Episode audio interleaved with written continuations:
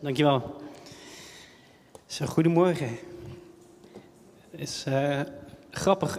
Het is lang geleden dat ik voor een zaal met tafeltjes heb gestaan. Want, uh, vroeger uh, heb ik een theateropleiding gedaan. En de laatste keer dat ik dat was, dat het zo stond, was het een try-out van mijn cabaretvoorstelling.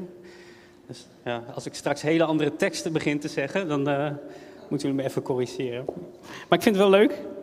Um, ik uh, wil met jullie kijken vanochtend naar echt, een, uh, echt iets wat God echt op mijn hart gaf. Hij heel duidelijk tegen me zei van, en echt voor deze tijd waarin we leven, uh, om jullie gewoon hierin aan te moedigen, en jullie te bekrachtigen. En ik wil eigenlijk ze, gewoon dat aan jullie overbrengen en vertellen. Maar we beginnen met eigenlijk een paar vragen te stellen hebben jullie ook gehoord uh, de afgelopen tijd dat de wereld een, een, een, great reset doorgaat? Hebben jullie gehoord van dat we misschien in Nederland in, in uh, eind december helemaal geen gas meer hebben? Hebben jullie gehoord dat Iran binnen zes weken een atoombom klaar heeft? Hebben jullie gehoord dat er een nieuwe coronavariant ook al klaar ligt? Hebben jullie gehoord dat het nog nooit zo droog is geweest? Hebben jullie gehoord dat de spullen door de dingen nog nooit zo duur zijn geweest? Hebben jullie gehoord dat echt Europa bekend staat door de oorlog met Rusland ook dat er een voedseltekort komt? Deze informatie is op één dag op mij afgekomen. En um, ik moest eigenlijk aan een tekst denken. En dat is de volgende, die staat in Lucas 21, vers 9 tot 11. Er staat, als jullie berichten horen over oorlog en opstand, raak dan niet in paniek. De dingen moeten eerst gebeuren, maar dat is nog niet meteen het einde. Hij vervolgde, het ene volk zal tegen het andere ten strijde trekken en het ene koninkrijk zal strijden tegen het andere. Er zullen zware aardbevingen komen, hongersnoden en epidemieën alom. En er zullen aan de hemel grote en verschrikkelijke tekenen verschijnen. Nou vind ik deze beschrijving eigenlijk best wel veel op die dag informatie lijken. Het is verbazingwekkend wat er op ons afkomt. En wat zegt Jezus erover? Geen paniek. Het is nog maar het begin. Matthäus zegt zelfs, hè, die zegt het is het begin, het zijn de weeën van dat wat komen gaat. En Jezus geeft eigenlijk zijn opdracht en ook tegen ons wil hij bemoedigen, raak niet in paniek. Hij zei letterlijk uh, dat ik dit als startpunt mocht nemen en tegen jullie mocht zeggen dat jullie niet hoeven te leven vanuit een benauwende geest, maar dat hij jullie geroepen heeft om te leven vanuit een lofgewaad. Ja? Daarom wil ik het ook hebben over dat leven vanuit lof. En dit is een profetie die Jesaja al over ons uitsprak. En die voor onze tijd ook heel erg belangrijk is. En uh, ik wil eerst gewoon kijken, wat bedoel je de God nou met eigenlijk die uh, uh, benauwende geest. Want in Jesaja 61 staat, de geest van de Heer rust op mij, want hij heeft mij gezalfd om aan mensen een lofgewaad te geven, in plaats van een benauwende geest. Nou, als je Jesaja 61 daarvan de context bekijkt, dan zegt hij dit tegen Israël, die echt deze bemoediging ook nodig hadden. Net zoals wij die bemoediging nodig hebben. Israël was gevangen genomen, haar koningshuis van David was ontslagen eigenlijk. Jeruzalem was verwoest. Uh, de tempel was verwoest. En het volk was in ballingschap afgenomen. eigenlijk kun je het vergelijken. Stel dat Rusland het geluk was. Dat ze Kiev hadden ingenomen en verwoest. Dat ze de president hadden meegenomen. Dat ze uiteindelijk uh, ook een deel van het volk hadden meegenomen. Nou, zo dichtbij dat lijkt, zo was het ook voor de Joden. Hun identiteit was echt aangevallen. En dan zegt God tegen dat volk, de benauwdende geest die jullie nu ervaren, die zal ik wegnemen. En ik zal je een lofgewaad geven. En uh, ik geloof dat God dat vanmorgen ook aan jou wil aanbieden. En voor ons wil aanbieden voor de komende tijd. Voor wat er aankomt, wat er in het nieuws ook gezegd wordt. Dat we mogen onthouden, wij zijn niet gemaakt voor deze benauwdende geest. Wij zijn gemaakt en geschapen om te leven vanuit een lofgewaad. En er zijn drie dingen die ik wil u met kijken die typerend zijn, wat Jesaja ook bedoelde met die benauwende geest. Gewoon om het praktisch te maken voor vandaag. Ten eerste, Als Jesaja spreekt over een benauwende geest, dacht ik altijd aan een soort demonische nacht wel misschien, een benauwende geest. Maar dat is niet zozeer wat hij bedoelt. Jesaja bedoelt vooral een benauwende geest, dat onze geest van innerlijk bang is, verdrietig is, te neergeslagen wordt. Dat is wij als persoon. En ten tweede zegt hij, uh, uh, is het woord benauwde, heeft hij, uh, als je het Hebreeuwse woord bekijkt, heeft het drie kenmerken. Het eerste is dat die benauwende geest zich typeert door een donkere manier van denken. Als je het woord bekijkt. En hiermee bedoel ik geen zonde, maar een zware manier van denken en zorgen. Dat is een benauwende geest, een, zware manier van denken. En dit is ook wat Satan bij het volk wilde bewerken. Uiteindelijk dat ze uh, onzekerheden kregen, van, want ze hadden God verlaten. En nu stonden ze alleen voor om de dingen te regelen in leven. En ze maakten zich echt zorgen. Een donkere manier van denken. Hoe kunnen wij nu leven? En deze manier van denken ontstaat, eh, volgens Paulus ook, dat hij zegt, als God niet de bron van ons leven is. Want in Efeze 4 zegt hij, op gezag van de Heer zeg ik dus, met klem, ga niet langer de weg van de heiden met hun loze denkbeelden. Hun geest is duisternis, want ze zijn vervreemd van een leven met God. Dus Paulus zegt hier, doordat de wereld vervreemd is met een leven van God, leeft ze vanuit de duisternis, maar leeft ze ook vanuit die zorgen. Het feit dat het nieuws, de wereld alleen maar die zorgen, die zorgen, die zorgen aan ons communiceert, komt omdat ze niet wandelt met God. Zij kan alleen maar tekort zien, communiceren naar ons, omdat ze in een donker dal leeft, onzekerheid en angst kent voor wat er op hen afkomt. deze manier van denken ontstaat uh, als God de Vader niet de bron van de wereld is. Geen oplossing weet voor die dingen. Jezus zegt ook, vraag je niet af in Matthäus 6 wat je zult eten of drinken of waarmee jullie zullen kleden. Dat zijn allemaal dingen die de heidenen najagen. En daar bedoelt hij ook mee, de wereld is steeds bezig, omdat ze God niet als vader kent, om hun leven zekerheid in te bieden. Jezus spreekt hier over zorg dragen. En wat belangrijk is, daarbij te zeggen, dat hij het niet heeft over zorg over iets dragen. Als mijn dochter koorts heeft, dan mag je daar best wel zorg over hebben, uit liefde, om voor haar te zorgen. Als ik bijvoorbeeld uh, geen inkomsten zou hebben, mag ik wel zorg of verantwoording nemen om weer inkomsten te krijgen. Daar heeft hij niet over. Maar hij heeft het hier over echt het tobben en het lang bezighouden en het in slaaf zijn van die zorg. En dat is denk ik voor ons in deze tijd ook heel belangrijk. Dat we in de gaten houden dat wat de wereld ook naar ons communiceert, dat we geen slaven worden van al die dingen die maar gezegd en gesproken worden. Ik zeg wel, zorg dragen voor iets vanuit Gods vrede is heel goed. Vanuit de vrede van God mag ik zorgen dat er iets komt wat er niet is. Maar een benauwende geest zorgt dat die vrede van God weggaat, dat ik onrustig word en dat mijn grootste focus ook komt op die zorg. En ik wil een praktisch voorbeeld hiervan geven. Is toen Lise nog niet geboren was en ik echo had en hoorde dat het een meisje was, toen gebeurde er iets in mijn hart. Er kwam een soort angst op dat ik dacht, oeh, dit vind ik nog enger dan een jongen. Een meisje nog kwetsbaarder, hoe kan ik die in dit wereld beschermen?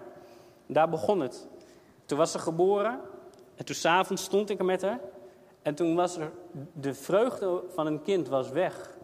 Omdat ik alleen maar het meisje zat die in een wereld opgroeide waarvan ik dacht van, hoe kan ik daar ooit zorg voor dragen? Hoe kan ik jou ooit beschermen voor alles wat er met je gebeuren kan?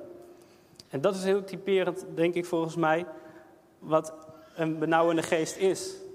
Hij nam de vreugde van het kind zijn bij, van mijn dochter weg en zorgde alleen maar de focus op mijn tekort.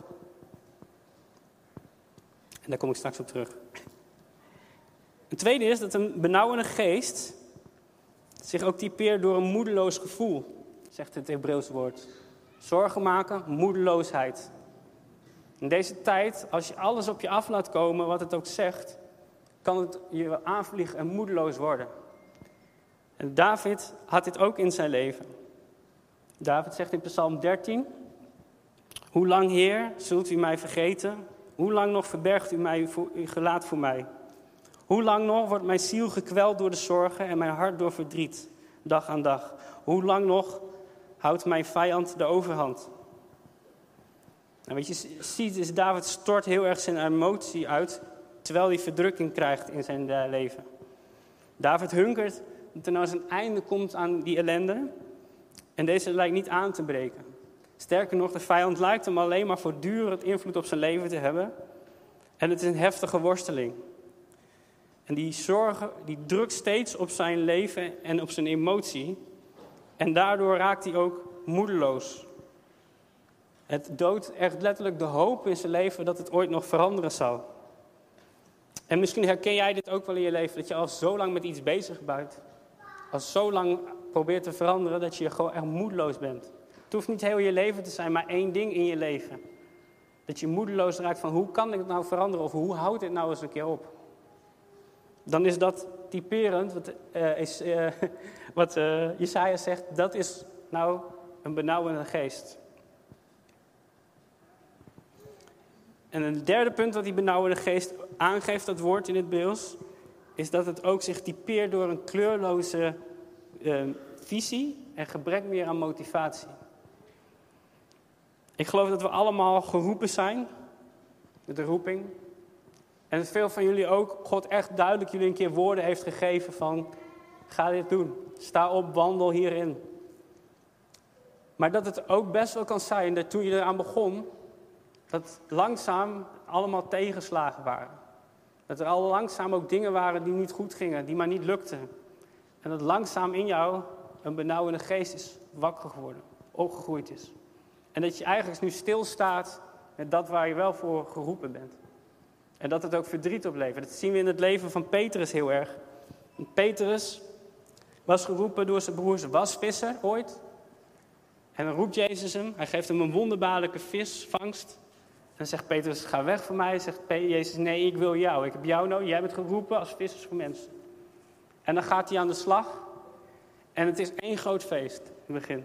Het lijkt heel mooi. Hij leert van Jezus. En dan uiteindelijk sterft Jezus. Is zijn koning weg. Het koninkrijk lijkt weg. En tot overmaat van ram kwam dat ook nog omdat hij Jezus verlogende voor zijn gevoel. En wat gebeurt er? De benauwende geest komt in hem wakker. En dan lezen we in Johannes wat hij doet. Petrus zegt, jongens, ik ga vissen. En de anderen zeiden, we gaan met je mee. Ze stapten in de boot, maar de hele nacht vingen ze niets. En je ziet dat langzaam weer een benauwende geest, de passie, de roeping die hij had, gedood heeft. En dat hij besluit terug te gaan te vissen. Nou ja, mensen die vissen, die, uh, ja, die, die zien niet echt niet zitten. Ja, er zijn een paar die me kennen. nee, maar ik snap wel dat hij gaat vissen, dat het rust geeft. Maar hij laat zijn visie wel laten, eh, of zijn roeping legt hij wel naast zich neer. Want dit was wel de man waar tegen gezegd werd: Petrus, ja, jij bent degene die mijn kerk gaat bouwen. En de poorten van de hel zullen jou niet overmeesteren. En ergens is de benauwende geest in hem die zelfs die belofte dichtknijpt.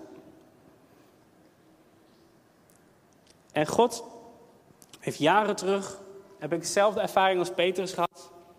Ik was op weg in het theater bezig, zoals ik in het begin ook aangaf, try-outs te houden. En toen zei God, ik wil dat je dit loslaat. Dat is ook wel een proces geweest, maar uiteindelijk gedaan. Maar toen kwamen er ook allemaal dingen op mijn pad, mensen op mijn pad die enorme weerstand gaven. Dat ik ook dacht van, ja, maar wat, ben ik aan het doen? het, knelde van binnen, mijn, de, de geest van uh, zwaarmoedigheid ook. Nou, die drie dingen, die typeren uh, wat eigenlijk wat Jesaja noemt, zeg maar. Uh, en moet ik even goed zeggen? Ja. Uh, dat wat een benauwende geest is. Spreuken, die leert ons hier ook nog belangrijk, iets belangrijks over. Die vertelt iets over wat doet dan die benauwende geest, wat de kracht daarvan is. In Spreuken 12, vers 25 staat: Bezorgdheid is iemand hart, drukt het neer. En toen dacht ik eerst: Oh, dat herken ik wel. Ja, als ik bezorgd ben daarover, over dingen, dan drukt het me neer. Voelt het als een zware last op mijn schouders. En dan wordt het zwaar, drukt je neer. Maar toen ik de woorden hiervan bestudeerde, gaat het nog verder. Spreuken zegt namelijk, hier met druk je neer, uh, dat, dat de zorg in het leven, dat we die gaan dan aanbidden.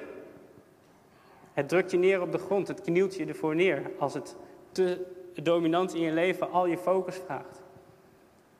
En dat is ook die, die, die, die, dat in ons hart, als de zorgen er domineren, dan knielen we eigenlijk langzaam ook voor die zorgen neer en wordt haast dat onze koning. Spreuken 17, vers 62 zegt, een neerslachtige geest, daarvan uh, de beenderen verdorren. En ook dat, op het moment dat die, uh, dat die neerslachtigheid over ons komt, zal, zal dat leven van jou als kind van God, maar ook jouw roeping, verdort langzaam uit, droogt langzaam uit. En ik weet niet of je deze twee herkent in jullie leven. En anders zou ik zeggen, de komende tijd en de tijd wat het nieuws nu op ons afbrengt, wees hier waakzaam voor.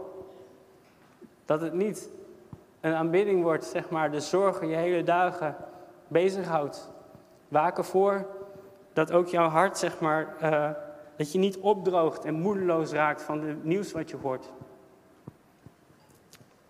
Want, hoe beschermen we ons er tegen? Dat zegt Jesaja ook. Ik heb ze niet die geest van zwaarmoedigheid gegeven, maar een lof gewaard. En het mooie is dat we nu de schakeling gaan kijken van hoe kunnen we dan met dat lofgewaard voorkomen dat die zwaarmoedigheid over ons komt.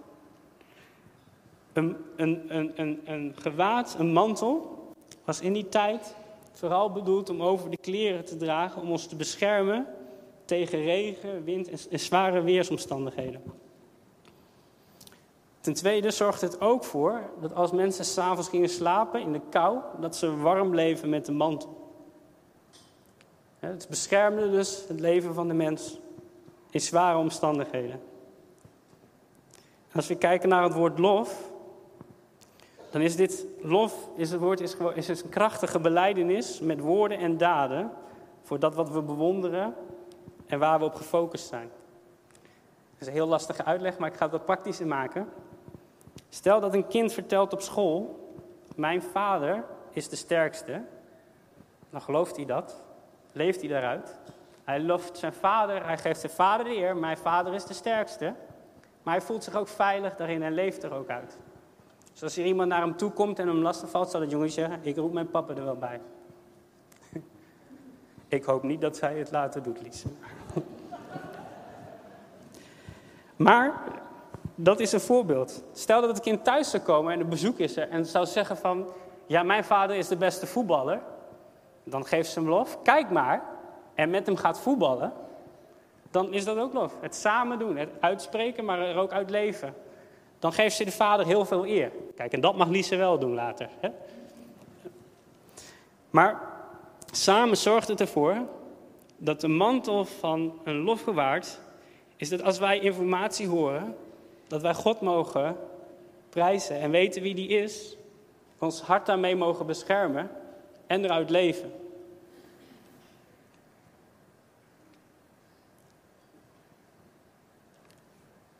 Dit maakt de mantel van lof dan ook meer dan een lied. Het is niet alleen dat we geroepen zijn om in deze tijd liederen te zingen en dan leven vanuit de mantel van lof. Nee, het is liederen zingen. Het is gewoon blijdschap weten wie God is, maar er ook uit leven. En Jesaja zegt ook dat Jezus dat kwam brengen, ons dat lofgewaad. He, dat hij gesterkt door de geest kwam. En daar wil ik bij kijken wat er gebeurde bij Jezus' doop. Dat zien we in Lucas namelijk, dat het volk liet zich dopen. En toen Jezus ook gedoopt was en aan het bidden was, werd de hemel geopend en daalde de Heilige Geest neer in de gedaante van een duif. En er klonk een stem uit de hemel, jij bent mijn geliefde zoon, in jou vind ik vreugde. En dit is heel belangrijk voor ons om te weten dat in die tijd had God 400 jaar niet meer gesproken tot het volk. Er was geen profetisch woord meer geweest. En alles wat hier is, is een doorbraak dat de hemel zich opent en letterlijk een stem klinkt die zegt, dit is mijn geliefde zoon. En de hele hemel was gericht op Jezus op dat moment. de geliefde zoon. En dat komt omdat Jezus ook volledig gericht was op zijn Vader in de hemel. Eén verbinding. En het mooie is dat deze verbondenheid, hè, die uh, uh, zorgde ervoor dat hij ook leefde met de mantel van lof. Want als er een zieke naar hem kwam, wist hij dat zijn vader alle macht had om deze man te genezen. En daarom sprak hij genezing uit. Als er tekort aan eten was, wist hij dat zijn vader, waar hij op gericht was, gaf hij lof door te zeggen: Mijn vader zal voorzien en hij geheelde het uit. Hij leefde met de mantel van lof aan, wat er ook op zijn pad kwam. Zelfs toen het kruis op zijn pad kwam, leefde hij die mantel van lof door te zeggen: Vader, in uw handen leg ik mijn geest. En jullie zullen zien, na drie dagen sta ik op. Jezus leefde een en al uit de mantel van lof. En dan komt Paulus met een verrassing voor ons. Paulus zegt in Gelaten 3, u allen die uh, de doop één met Christus bent geworden, hebt u met Christus omkleed. En wij die gedoopt zijn, hè, wij die ons bekeerd hebben tot Jezus, zegt Paulus, van, je hebt de mantel van lof net zo goed aangekregen. We hebben hem eigenlijk al. Als we ons eh, bekeerd hebben en gedoopt hebben, hebben wij dezelfde focus en open hemel naar de Vader als Jezus had op aarde. Hè? We hebben dezelfde voorziening van de Vader in de hemel. We hebben dezelfde manier, kunnen wij dus reageren zoals Jezus reageerde op de omstandigheden in zijn leven. Door er bewust voor te kiezen, te verwachten van de Vader. En bewust ervoor te luisteren wat Hij zegt en te doen wat Hij zei. En dingen met Hem te overleggen en te bespreken. Want hoe leven wij dan met een lofgewaard? Als het om zorgen gaat, leven wij vanuit een lofgewaard, denk ik, door ons denken te laten vormen met hemelse principes. En dat zegt Paulus in Colossense 3, vers 1 tot 2. Als u nu met Christus bent opgestaan uit de dood, moet u zich bezighouden met hemelse zaken. Want Christus zit, nu niet op de allerhoogste, uh, want Christus zit daar nu op de allerhoogste plaats aan de rechterhand van God. Richt u daarom op dat wat boven is, gericht op de dingen van de hemel en niet op wat op aarde is. En zoals ik net zei, Jezus was gefocust op wat in de hemel is. En in deze tijd leven wij vanuit een lofgewaard als wij de dingen horen van de aarde om ons heen, maar ons leven laten vormen door onze gedachten te vormen naar dat wat in de hemel is. Wie daar op de troon zit. Als het kwaad komt met de wereld verwoest, dan weten we dat daarboven Jezus op de hemel alle macht heeft in de hemel en op aarde. En ik niet meer denken laat vormen van morgen heeft Iran een atoombom. Ik laat me denken niet vormen door hè, er is nog een zwaardere coronavariant. En ik laat me denken vormen door het feit dat hem alle macht gegeven is. Ik verbonden ben met hem. En dat de vrede van de hemel vrede in mijn denken is. Dat de wijsheid die God heeft, mij wijsheid geeft voor de oplossing voor nu. Ik denk dat deze tijd heel veel Jozefen kan gebruiken. Deze wereld roept ons, waar zijn jullie Jozef die oplossingen geven? En dat wij dat ontvangen hebben en dat is een lof gewaard. Dus als jij een Jozef bent, sta op, gebruik je wijsheid en deel het uit. Vier het. Als er donkere gedachten komen dat er gebrek is, leef ik vanuit de hemel uh, dat God zal voorzien. Als de donkere gedachten in mijn uh, leven opkomen uh, en mij, zeg maar, oh ja, dan ging ik naar het voorbeeld van Lise terug, die op het moment dat ik een dochter net had gekregen, op een avond vreselijk op me afkwam en merkte, dit is niet meer gewoon een zorg van vader, dit is, een dit is echt een zware last. Toen wist ik ook, ja, maar hier ga ik niet langer ik wil niet leven met deze benauwende geest, want het ontnam me alle vreugde. En op dat moment heb ik gewoon letterlijk gebeden. De Vader, Koning Jezus, ik kan deze dame niet beschermen. Ik kan mijn best doen, ik kan haar wijsheid leren, maar ik heb niet alle macht in nemen, gelukkig u wel. En ik geef het terug aan u. Ik geef deze, deze last ook aan u. En ik, ik, ik heb gebeden, het enige wat ik kan is een hulpmiddel zijn. Voor u naar haar. En vanaf dat moment dat ik dit in Jezus naam ook uitsprak, is die gedachte nooit meer teruggekeerd. En is de vreugde ook gebleven tussen mij en mijn dochter. Ik heb een dochter. Ja? En het mooie is, ik had geen zwaarmoedige geest meer, maar een lofgewaard. Want mijn vader in de hemel zorgt voor haar. En ze gaat nog veel meer mooiere dingen meemaken dan mij met hem. Leven vanuit een lofgewaard, geloof ik ook, dat doet ons richten op hemelse hoop. Want David, waar hij geen hoop meer zag, leefde stiekem al vanuit een lofgewaard. Want even verder zegt hij namelijk in Psalm 13, vers 6: Ik vertrouw op uw liefde. Mijn hart zal juichen omdat u redding brengt. Ik zal zingen voor de Heer, want hij heeft mij geholpen. Waar het leek dat hij moedeloos was, besprak hij alleen zijn emoties met, goed, met God. En dat is goed. Maar hij was niet wanhopig. Hij bleef daar niet in.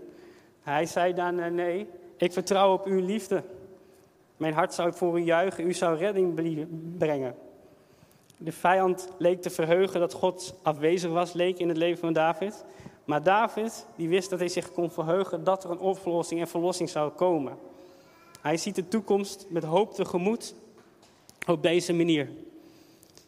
En als in de komende tijd, wat er nog allemaal ook op het journaal of in de nieuws ook allemaal tot jou gezonden wordt, dan kun je het ontvangen en je geest een zwaarmoedigheid laten creëren. Of hetzelfde als David doen en zegt: Nee, ik uit gewoon maar die emotie tot God. Ik zeg wel: Dit is lastig, maar ik weet dat u mij zal voorzien in wat ik nodig heb en wijsheid. Dat u voor mij zal zorgen.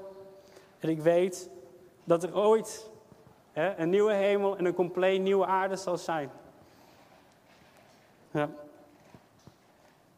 Dat is leven vanuit een lofgewaard. En wat voor mij God ook tegen zei: hou deze tijd in de gaten. En zorg dat er geen benauwende geest in jullie terechtkomt. Een media, een wereld die leeft zonder God, waar we naar kijken, waak je hart ervoor dat je het niet gaat aanbidden. Aanbid alleen de Vader in de hemel. Ik zie de Heer gezeten op de troon en de zoom van zijn kleed vult de tempel met glorie. En ik durf te zeggen dat als de kerk dit ook gaat beleiden, dat de zoom van zijn kleed vult ook nog steeds de aarde met glorie. Als wij leven vanuit de lofgewaard, ik geloof echt, en ik was zo blij dat Robert laatst ook zei, dat nog steeds in Nederland, ook al lijkt alles er tegenovergesteld, dat nog de cijfers van geloof werd laatst uitgedeeld, dat de kerk losgaat, geloof alleen maar afneemt. Dan kan ik mijn geest daardoor laten inspireren maar ik geloof het tegenovergestelde, dat als de kerk gevuld wordt met de zoom van zijn kleed, dat het andersom zal zijn. Ik geloof nog steeds in de opwekking in Nederland en in Europa. En dat hij er ook hard aan toe is en er ook naar schreeuwt.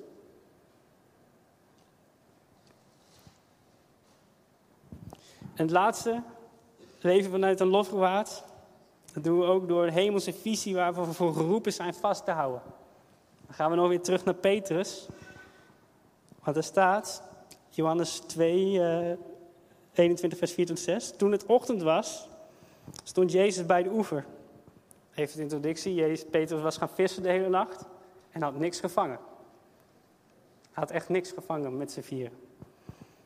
En toen stond Jezus daar en al wisten de leerlingen niet wie Jezus was, hij riep, hebben jullie soms iets te eten? Nee, antwoordden ze. Gooi het net dan aan het stuurboord uit, riep Jezus, dan lukt het wel. En ze wierpen het net uit en er zat zoveel vis in dat ze niet omhoog konden trekken. De leerlingen van wie Jezus hield, eh, de leerling van wie Jezus hield, zei, Petrus, zei tegen Petrus, het is de Heer. En dit is heel bijzonder wat hier gebeurt. Want Petrus zit in die boot en Jezus treft hem aan precies zoals hij hem geroepen heeft. In een boot, niks gevangen, hele nacht gevist. En dat is precies weer vertrouwen. En wat doet Jezus? Als jij op dat niveau bent, ga weer terug Petrus, heb je wat gevangen? Nee, ik heb niks gevangen. Oké, dan werp de net aan de andere kant. Precies hetzelfde geeft hij de opdracht. En Petrus iets in zijn stem, want ze herkenden hem niet, deed hem dat toch volgen. En hij krijgt net zoals in het begin van zijn roeping weer een volle vang. En dan ontdekken ze, dit is de Heer. En verder in het verhaal gaat Petrus met Jezus in gesprek. En al is hij te neergeslagen door alles wat hem overkwam voor zijn roeping, dan vraagt Jezus, maar er is één ding belangrijk, Petrus. Hou je van me? Ja, oké. Dan gaan we gewoon terug naar je roeping, naar het woord dat ik je geef. Hoed mijn lammeren. Als je hier zit en je hebt een roeping gehad en je hebt het idee dat er veel tegenslagen zijn geweest, of je dat toch verloren en losgelaten hebt, dan heb ik het idee dat een, een, een is om weer gewoon terug naar Jezus te gaan. Terug naar die eerste woorden en dat vast te pakken. En tegen Jezus zeggen, spreek nog een keer dat tegen me. Zeg het nog eens tegen me, waar was het voor? En dat Jezus jou die lofgewaard aan wil doen. Door nog eens een keer tegen jou te zeggen, ik heb jou geroepen voor dit. Nadat ik uit het theater uh, gehaald werd en dat losliet, uh, opleiding had gedaan voor theologie, wat tegen alles inging van wat ik uh, mijn gaven ligt. er zijn er heel wat tegenslagen toen de opleiding afgerond was op me afgekomen. Er zijn best echt mensen geweest die, die, die in de weg gingen zitten op een manier waarvan ik dacht van, ja, wat moet ik hiermee? En dat ook bij mij dit wel eens echt dacht van, oh, maar hoe kan ik hier nou mee verder gaan? En elke keer dat ik terugging naar Jezus en dat Jezus weer tegen me zei van, ik heb je geroepen om dit te doen, om dit te spreken, om dit te brengen. Elke keer kon ik dan weer leven vanuit het lofgewaard. En deed Jezus die jas bij mij aan. Tot slot, hoe zouden jullie dat praktisch dan kunnen doen? Want het is wel mooi om dit te horen dat een lofgewaard is. Maar Jezus zegt, als jullie bericht horen over oorlog, raak dan niet in paniek. En daar kun je van alles bij invullen, denk ik. Als jullie horen van dat, of van dit, of als je dit meemaakt, of dat op je pad komt, en je hart daarop reageert met angst of een benauwende iets, als je dat ervaart, zegt Jezus, raak dan niet in paniek. Dat is wel mooi. Maar trek er lofgewaard aan aan. Want het is wel een keuze. Kijk, ik kan een mantel hebben om niet koud te worden, maar ik moet hem wel aandoen om vervolgens die warmte te ontvangen. Ik kan wel een mantel hebben die uh, uiteindelijk me beschermt tegen regen, maar als ik in de regen loop en gewoon die mantel niet aandoe, dan heb ik er weinig aan. En ik wil, om het praktisch te maken, meegeven, op het moment dat er iets op je pad komt, een leugen, een situatie, waarvan je merkt, ik maak me er niet zorgen om, om het op te lossen, maar het is echt een benauwende geest aan het worden. Sta letterlijk stil op dat moment. Stop even met wat je doet. Net zoals ik daar met Lise stond. Je merkte van, dit wordt een benauwende geest. Ik ga, dit, dit krijgt te veel gezag in mijn leven. En zeg dan gewoon heel simpel het gebed van Koning Jezus. Ik merk dat dit een benauwende geest is. En pas het volgende toe. Wat de Korinthe zegt. Wij breken valse redeneren af. En elke hoogte die zich verheft tegen de kennis van God. En we nemen haar gevangen en brengen die tot gehoorzaamheid aan Christus. Op het moment dat jij merkt van, dit wordt een benauwende geest, dit doet veel te veel beroep op me, dit verheft zich boven Jezus, boven God de Vader. Zeggen van Jezus, neem dit kruis gevangen. Want hij geeft ons een lofgewaard. Laat het wonder van Jesaja toe in je leven.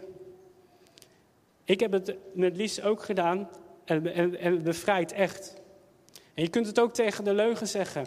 Dat je zegt van, hè, leugen, die zegt dat ik alles moet controleren over het leven van mijn dochter. In Jezus' naam gebied ik je in mijn leven te verlaten. Jij hebt geen recht op me. Ik geef jou niet die aanbidding die je van mij eist. Want er is maar één koning in mijn leven die ik aanbid. En dat is Jezus.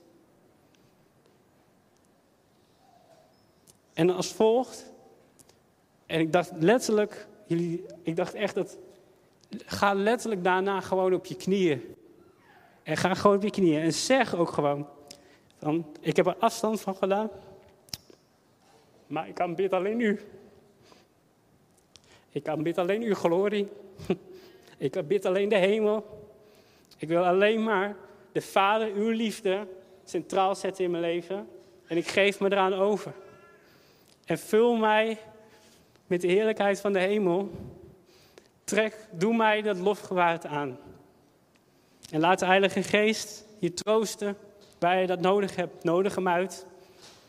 En laat de stem, de leugen, de last die het duisternis op je wil leggen van je afgaan. Want dan zeg ik, dat is onderzoekt alles en behoudt het goede. En op die manier leven we niet met een zwaarmoedige geest meer, maar met een lofgewaard aan. En ik, ik wil er echt gewoon voor bidden. Omdat in de voorbereiding merkte ik gewoon dat ook ergens in mij iets opborrelde. Dat ik gewoon jullie wil zegenen. En dat wat nu geraakt is, wat God nu tot je spreekt, dat dat niet weggaat, maar dat jullie ermee aan de slag zullen gaan. Om klaar te zijn voor de tijd die komen gaat. Yes? Oké. Vader, dank u wel dat u ons allemaal kent. Dat u al deze mensen kent. Dank u wel dat u dit vanmorgen wou delen met, met jou. Ik dank dat de Vader tegen jou wil zeggen dat je niet geroepen bent voor een zwaarmoedige geest. Niet over je leven, maar ook niet over een gebied. Ook dat ene gebied, daar hoeft geen zwaarmoedige geest over te heersen. Vader, ik bid, Heilige Geest, wilt u deze mensen op dit moment een kracht geven. Kracht om te zien, maar ook uit te stappen en afstand te doen van die zwaarmoedigheid. Ik wil jullie zegenen dat jullie ogen open zullen gaan voor de heerlijkheid van Koning Jezus. Voor de heerlijkheid van de hemel. Maar vooral de intimiteit van de Heilige Geest die jou gegeven is om je te brengen naar de volle waarheid. En om jouw hele leven te vernieuwen. En vooral om een leven van vreugde te geven. Van hoop.